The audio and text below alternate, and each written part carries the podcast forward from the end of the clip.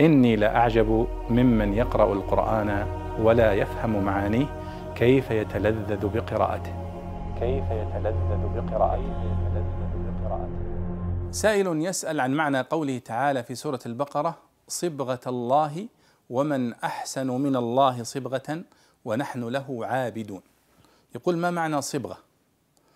فالصبغة هنا هي الخلقة هي الفطرة التي فطر الله الناس عليها. والصبغة أصلا هي ما يصبغ فيه الإنسان. وقد وردت هذه الآية في الرد على من؟ اليهود والنصارى الذين آه، يعارضون الفطرة ويعارضون النبي صلى الله عليه وسلم. فالله يقول إن التوحيد وإن الانقياد والإسلام لله سبحانه وتعالى هو صبغة الله وهي فطرة الله التي فطر الناس عليه. كأنها قريبة مما يفعله النصارى في من يريد أن يدخل إلى دين النصرانية فيصبغونه في ماء يسمونه الماء المقدس وهي التي يسميها النصارى التعميد.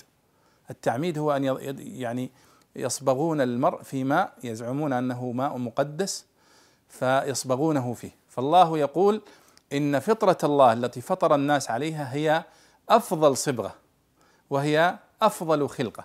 صبغة صبغة الله ومن أحسن من الله صبغة ونحن له عابدون. فهي مأخوذة من الصبغ والصبغ هو الصبغ بال بالألوان البوية التي يصبغ بها البيوت. اليوم تصبغ البيوت كاملة يصبغ الثوب كاملا. الثوب إذا ذهب إلى لكي يغير لونه في المصبغة فإنه يصبغ كاملا فيتغير لونه. فكذلك فطرة الله التي فطر الناس عليها وهي توحيده. وإفراده بالعبادة هي صبغة فطرة خلق الله الناس عليها. فشبهها الله سبحانه وتعالى بكمن يصبغ شيئا في شيء مائع مثل الثوب أو غيره. وهو بمعنى الفطرة والخلقة صبغة الله التي خلق صبغ الناس التي ومن أحسن من الله صبغة أي فطرة الله التي خلق الناس عليها وفطرهم عليها. وقد وردت في مواضع بمعنى الفطرة ووضعت ووردت هنا بمعنى الصبغة. التي صبغ الله الناس عليها وخلقهم عليها سبحانه وتعالى وهي فطرة التوحيد والإفراد لله سبحانه وتعالى بالعبادة ونبذ الشرك ونبذ ما يعبد من دون الله سبحانه وتعالى. هذه صبغة الله وفطرته وخلقته التي خلق الناس عليها. ثم آه، المرء يتعرض بعد ذلك لمؤثرات فتخرجه عن هذه الفطرة وعن هذه الصبغة إلى اليهودية أو النصرانية والمجوسية. كما قال النبي صلى الله عليه وسلم ما من مولود إلا ويولد على الفطرة فأبواه يهودانه أو ينصرانه أو يمجسانه.